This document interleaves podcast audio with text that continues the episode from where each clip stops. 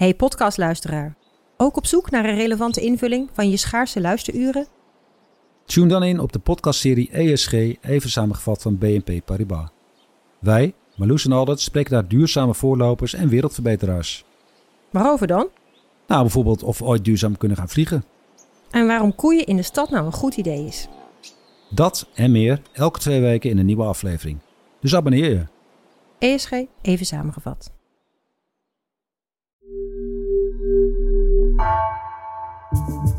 Vanaf de redactie van NRC het verhaal van vandaag.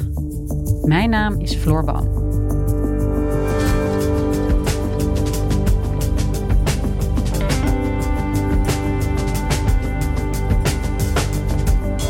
Door de aardgaswinning in Groningen zijn tienduizenden huizen onveilig verklaard. Het versterken van die huizen begon al in 2015, maar dat is bij slechts een klein aantal huizen daadwerkelijk gebeurd. In aanloop naar de parlementaire enquête over de gaswinning, die over ruim een week begint, sprak correspondent Mark Middel met bouwers die aan het project werken. Waarom gaat die versterkingsoperatie zo langzaam?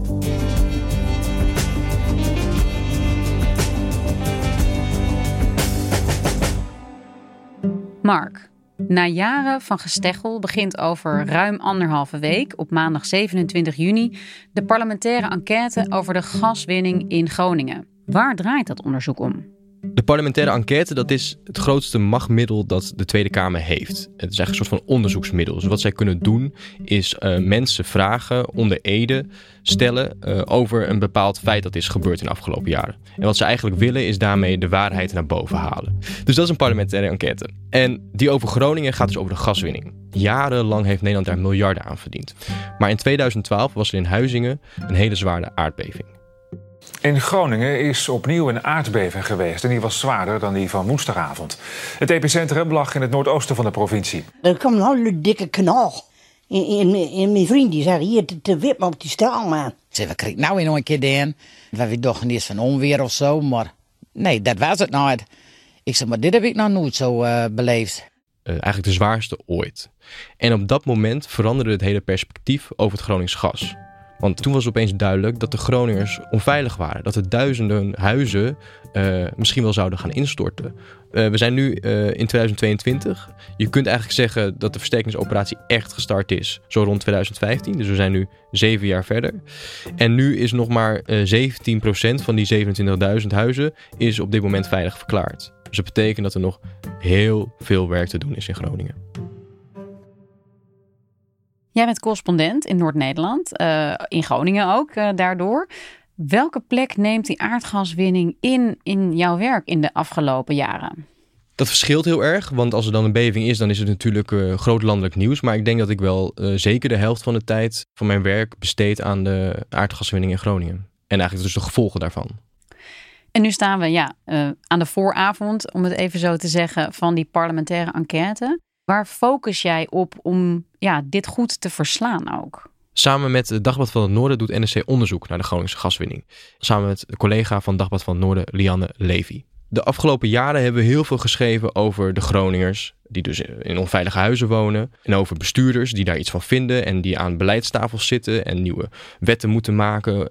Maar eigenlijk hebben we nooit gekeken naar het perspectief van de bouwers. Heel veel bouwkundigen natuurlijk, heel veel stedenbouwers, planners, um, aannemers, door, timmermannen, eh, van alles.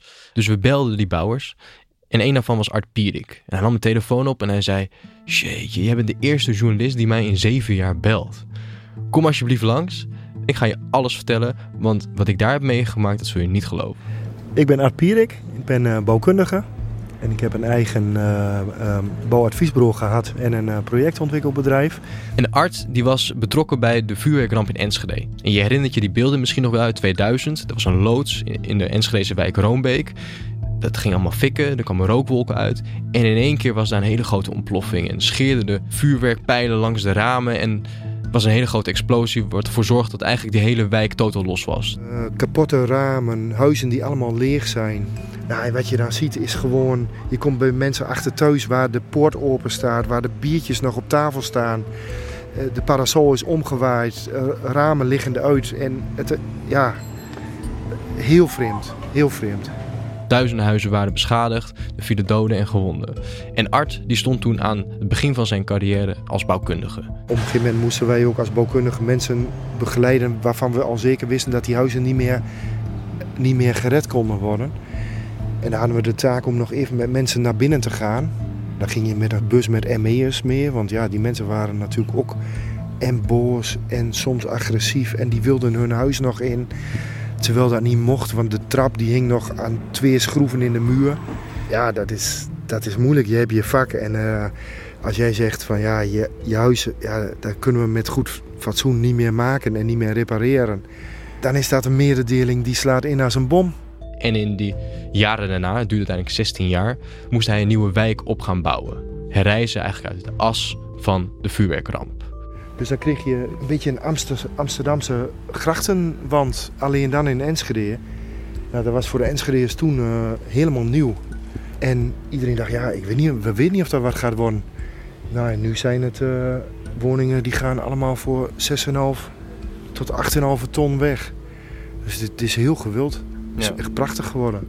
Dus in 2015 komt Art Pierik naar Groningen. Eigenlijk vol goede moed. Maar terwijl hij in Enschede 16 jaar heeft gewerkt aan het ene project, vertrekt hij in Groningen al na twee jaar. Totaal gefrustreerd. Om even te beginnen bij dat begin. Wat was de opdracht van Art Pierik? Wat werd hem gevraagd om te komen doen in Groningen? Eigenlijk hetzelfde wat hij deed in Enschede. Dus in Enschede werden die huizen opnieuw opgebouwd met de wensen van de bewoners. Luister naar bewoners, hoor ze aan, hoor hun verdriet en pijn en denk met ze mee.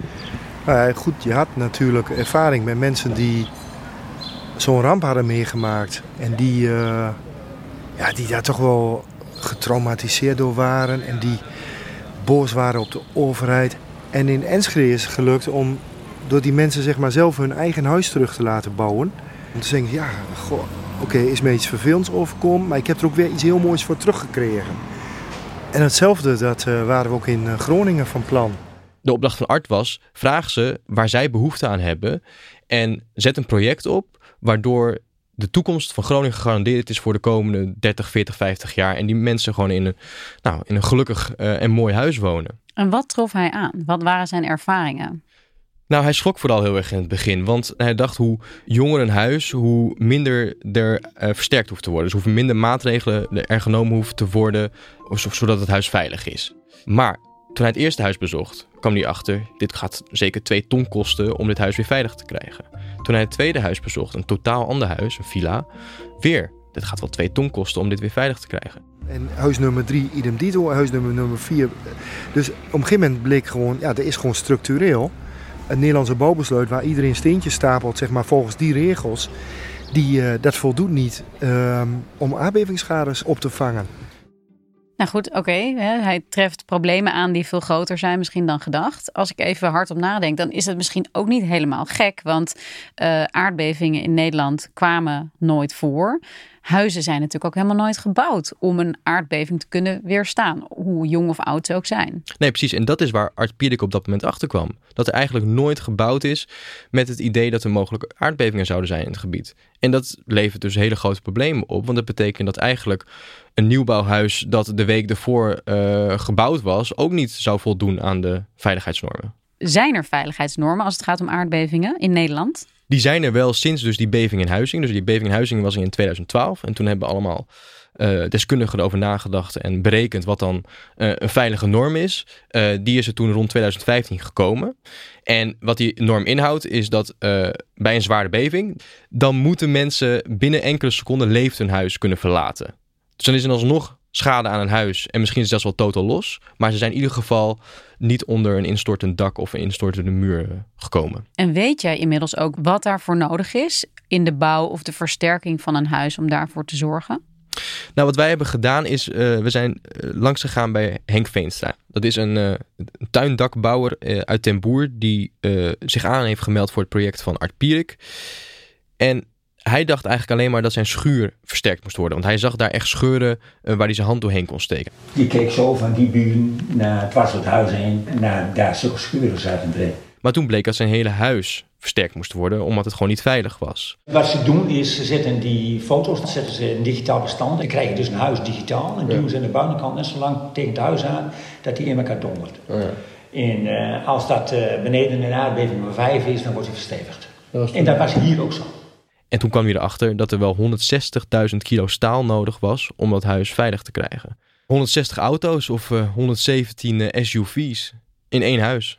Ja, want over hoeveel geld hebben we het in totaal voor de versterking van al die 27.000 huizen? Het gaat wel om miljarden. We weten niet ongeveer het gemiddelde zijn, maar je moet, je moet rekening houden dat een huis versterken, dat dat tonnen kan gaan kosten. Nou, als je dan 27.000 hebt, dan schiet dat wel op. Ja, en Art kwam dus naar Groningen. Hij kwam er tezamen met andere projecten en mensen achter dat deze opdracht ja, misschien wel veel groter was dan uh, ze aanvankelijk dachten. En ook dus veel meer zou gaan kosten. Was toen wel al duidelijk wie voor die kosten zou gaan opdraaien? Wat er toen besloten was, is uh, anders dan hoe het in Enschede ging. In Enschede had je de overheid die zei van wij staan gewoon garant. We zorgen ervoor dat er een paar mensen gewoon de leiding hebben en geld is geen probleem. Maar in Groningen was vanaf het begin duidelijk dat de NAM, dus uh, het bedrijf dat gas wint en dus ook geld verdient aan Groningen, alle kosten moest gaan betalen van die versterking. Dat is wettelijk zo afgesproken. Dus als jij uh, dingen uit de grond haalt, dan ben je ook verantwoordelijk voor de gevolgen die boven de grond gebeuren. En um, dat leverde wel meteen problemen op. Want waar stopt dan de verantwoordelijkheid van de NAM? En uh, ja, dan begint het, het getouwtrek van ja, kloppen die normen dan wel waar het naast is gelegd? En zijn die bureaus die dat uitrekenen wel capabel? En ja, dan, dan merk je wel dat er, dat tegenwind is. En Art Pierik zegt dat er, hij eigenlijk continu discussie had met de NAM. En hoe werkt het in de praktijk? Waar doet de NAM moeilijk over? Wat merkt zo'n bouwkundige ervan uh, ja, dat hij dus per huis moet gaan onderhandelen over hoeveel geld hij te besteden heeft? Zodra Art aan de, aan de gang gaat en hij uh, bouwplannen gaat maken voor de huizen, merkt hij uh, dat er ten eerste voor al het geld dat er nodig is, moet hij naar de NAM. Dus voor elk huis mm, is er overleg over de kosten en over de maatregelen die genomen moeten worden. Dat zorgt voor heel veel vertraging en voor heel veel overleggen. Of dat er staalconstructies gebouwd moeten worden zodat een huis veilig is, daar is in het algemeen weinig discussie over, zegt Pierik. Maar op een gegeven moment wordt het heel erg lastig, want hij zegt van ja, er zijn ook bij elk huis onvoorziene kosten. Dus zodra jij het dak eraf haalt, kan je er opeens achterkomen dat er ook asbest zit. Of mensen hebben het huis slecht onderhouden, waardoor er in de gang slecht voegwerk is of in de badkamer. Ja, moet je dat dan meenemen in die versterkingskosten of is dat dan de verantwoordelijkheid van de bewoners? Daar werd heel lang over gediscussieerd met de NAM, zegt uh, Art Pierik en andere bouwers. En zo werd er over al die kleine dingetjes, die bonnetjes die we inleverden, werd gediscussieerd. En ja, dan, dan, dan, dan, uh, dan raak je energie langzaam wel weg. Dus Art Pierik werkt al een tijdje in Groningen. Als hij een begroting klaar heeft voor een huis van een oude echtpaar. Zij moeten tijdelijk verhuizen. Die begroting is ongeveer 2 ton voor uh, de versterking van hun huis.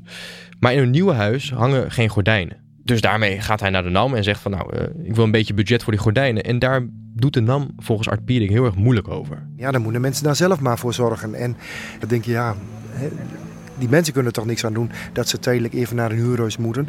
Voor mij is het een huis, maar voor hun is het een, een thuis. En, en dat ene lettertje, die, die T ervoor. En alles wat daar dan tegengewerkt wordt, dat, ja, dat ondermijnt je veiligheidsgevoel. Ja, wat hij zegt is, in Enschede hadden we altijd wit mee. Als we een computer of een jurist wilden, dan vroegen we dat aan en dan hadden we het de volgende week. Maar in Groningen hadden we alleen maar wind tegen. Over alles werd gesteggeld, over alles werd overlegd en over alles werd gediscussieerd. Is dit dan ook de reden dat maar zo'n klein percentage van de huizen inmiddels ook daadwerkelijk versterkt is? En dat er dus nog ontzettend veel Groningers wachten en leven in onveilige huizen op dit moment? Ja, en dat zorgt ook voor heel veel stress en onzekerheid in het gebied. Er is altijd gesteggel over geld en over wie wat betaalt. En dan wordt het inderdaad een proces dat heel lang kan gaan duren. Op het moment dat je dan zo'n proces loopt en dan, uh, je hebt, bent bij huis nummer drie of, of huis nummer vier en het gaat weer op dezelfde enorme trage manier en je moet alles weer verdedigen.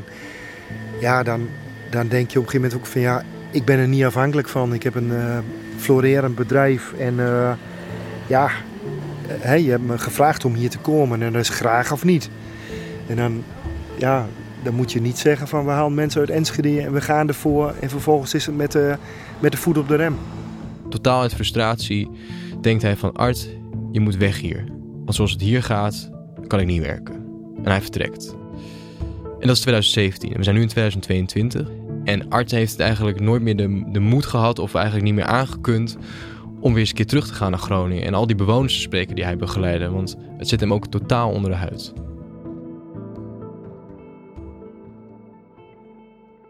Oké, als we dan even nu naar het heden uh, kijken, naar de parlementaire enquête die uh, op maandag 27 juni gaat beginnen.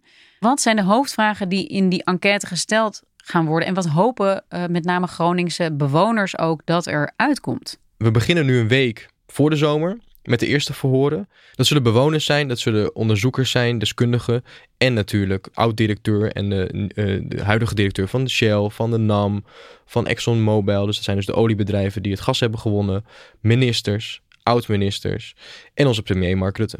Het zal gaan over hoe de contracten in het begin vastgesteld zijn tussen uh, de overheid en het gasbedrijf dat het uh, gas ging winnen. Het zal ook gaan over wat er is gebeurd toen de, eerste bevingen in het gebied uh, ontstonden en toen dat bekend werd. Wat is er toen gedaan? En dat is al ver voor Huizingen. En dat zal gaan over de periode na Huizingen, dus na 2012 tot eigenlijk nu. En waarom dat allemaal zo ontzettend langzaam gaat. En de Groningers die zullen vooral hopen op gerechtigheid. Maar ook op een besef, denk ik, van de rest van Nederland dat daar echt wel een uh, ramp plaatsvindt. Ja, ik denk dat in Enschede door de impact van zo'n klap in één keer. En heel Nederland heeft die, heeft die vuurwerkramp op het netvlies. En jongens, daar moet iets gebeuren. We kunnen die mensen niet laten zitten. Dus zeg maar door die massiviteit van het moment, hè, dat het echt een. Uh, had je ook meer wind. Zowel van verzekeraars, van de overheid, van gemeenten, maar ook vanuit Den Haag. En uh, ik denk dat dat een wezenlijk verschil is. Want in Enschede kon je natuurlijk het zien. Je had de beelden op het journaal. Je zag de wijk die helemaal gesloopt was. Je, er waren slachtoffers, er waren gewonden en doden. Maar in Groningen is er eigenlijk een ramp gaande die heel langzaam verloopt. En die echt bij mensen onder de huid kruipt. Je moet je voorstellen dat in een huis een gezin woont. En een gezin uh, heeft vaak kinderen. En um, dat ouders ruzie met elkaar maken omdat het huis onveilig is en de een die wil juist uh, vol op de trom slaan en uh, alle instanties bellen om het zo snel mogelijk geregeld te krijgen. Terwijl de andere ouder bijvoorbeeld denkt van ja, laat het nou maar, weet je wel. Uh, ik wil deze stress niet meer. We horen verhalen over mensen waarvan de kinderen bang zijn om in dat huis te wonen. Omdat ze toch s'nachts nachtmerries hebben dat het misschien een dak instort of een schoorsteen instort. Je ziet mensen die bij elk geluid of bonk denken van oh shit, daar heb je weer zo'n klap mensen die terugkomen van vakantie en dan toch even een rondje gaan doen langs het huis om te kijken of er weer nieuwe scheuren zijn ontstaan. Aan de ene kant wordt het een onderdeel van dagelijks leven, um, maar dat betekent niet dat het een heel, uh, dat het heel relaxed is voor heel veel mensen. Ja, en volgend jaar gaat de gaskraan echt dicht. Althans, dat is een beslissing geweest uh, van voormalig minister Wiebes. Um, maar met de Russische invasie in Oekraïne ligt het openhouden van die kraan ineens toch weer op tafel. Ja, wat er gezegd wordt in ieder geval door het kabinet, dat het alleen maar gebeurt als bijvoorbeeld eh, de ziekenhuizen en de scholen niet meer verwarmd kunnen worden in de winter. Dus als het echt, echt, echt nodig is, dan gaat de gaskraan in Groningen open. Natuurlijk is er nu heel veel druk van allemaal deskundigen en hoogleraren en experts, maar uh, ik vind dat het uh, kabinet verrassend uh, standvastig daarin is. En echt zegt dat het uiteindelijk de allerlaatste nou, redmiddel is om de Groningse gaskraan open te draaien. Daarom zoekt het kabinet ook natuurlijk naar alternatieven. Uh, en wat wij in Nederland hebben is naast het gas in Groningen hebben wij nog heel veel. Namelijk zo'n 250 kleine velden waar ook gas gewonnen kan worden. Dus we importeren nu gas. We halen gas uit de kleine velden. En uh, we hebben nog een heel klein beetje Gronings gas dit jaar. En dat is uh, waarschijnlijk na volgend jaar bijna nul.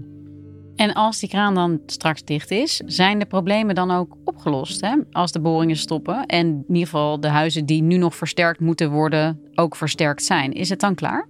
Dat is wel wat veel mensen denken, maar dat is niet zo. Want uh, het gas dat je nu uit de grond haalt, zorgt niet morgen voor een beving. Dat duurt jaren, want de bodem die beweegt heel erg langzaam. Dus het is uh, duidelijk dat er zeker nog jaren uh, bevingen zullen zijn in Groningen. Alleen het is ook duidelijk dat de kracht daarvan wel zal afnemen als de gaswinning stopt.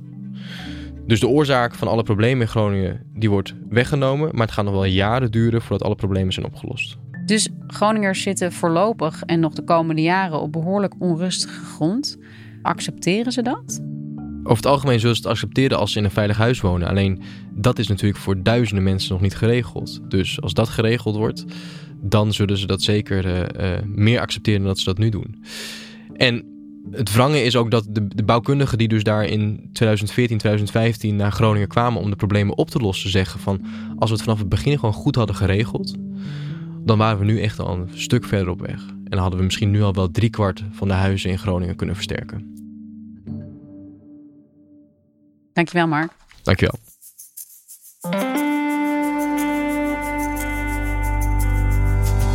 Je luisterde naar vandaag, een podcast van NRC. Eén verhaal, elke dag. Deze aflevering werd gemaakt door Esme Dirks en Marco Raaphorst. Dit was vandaag. Maandag weer.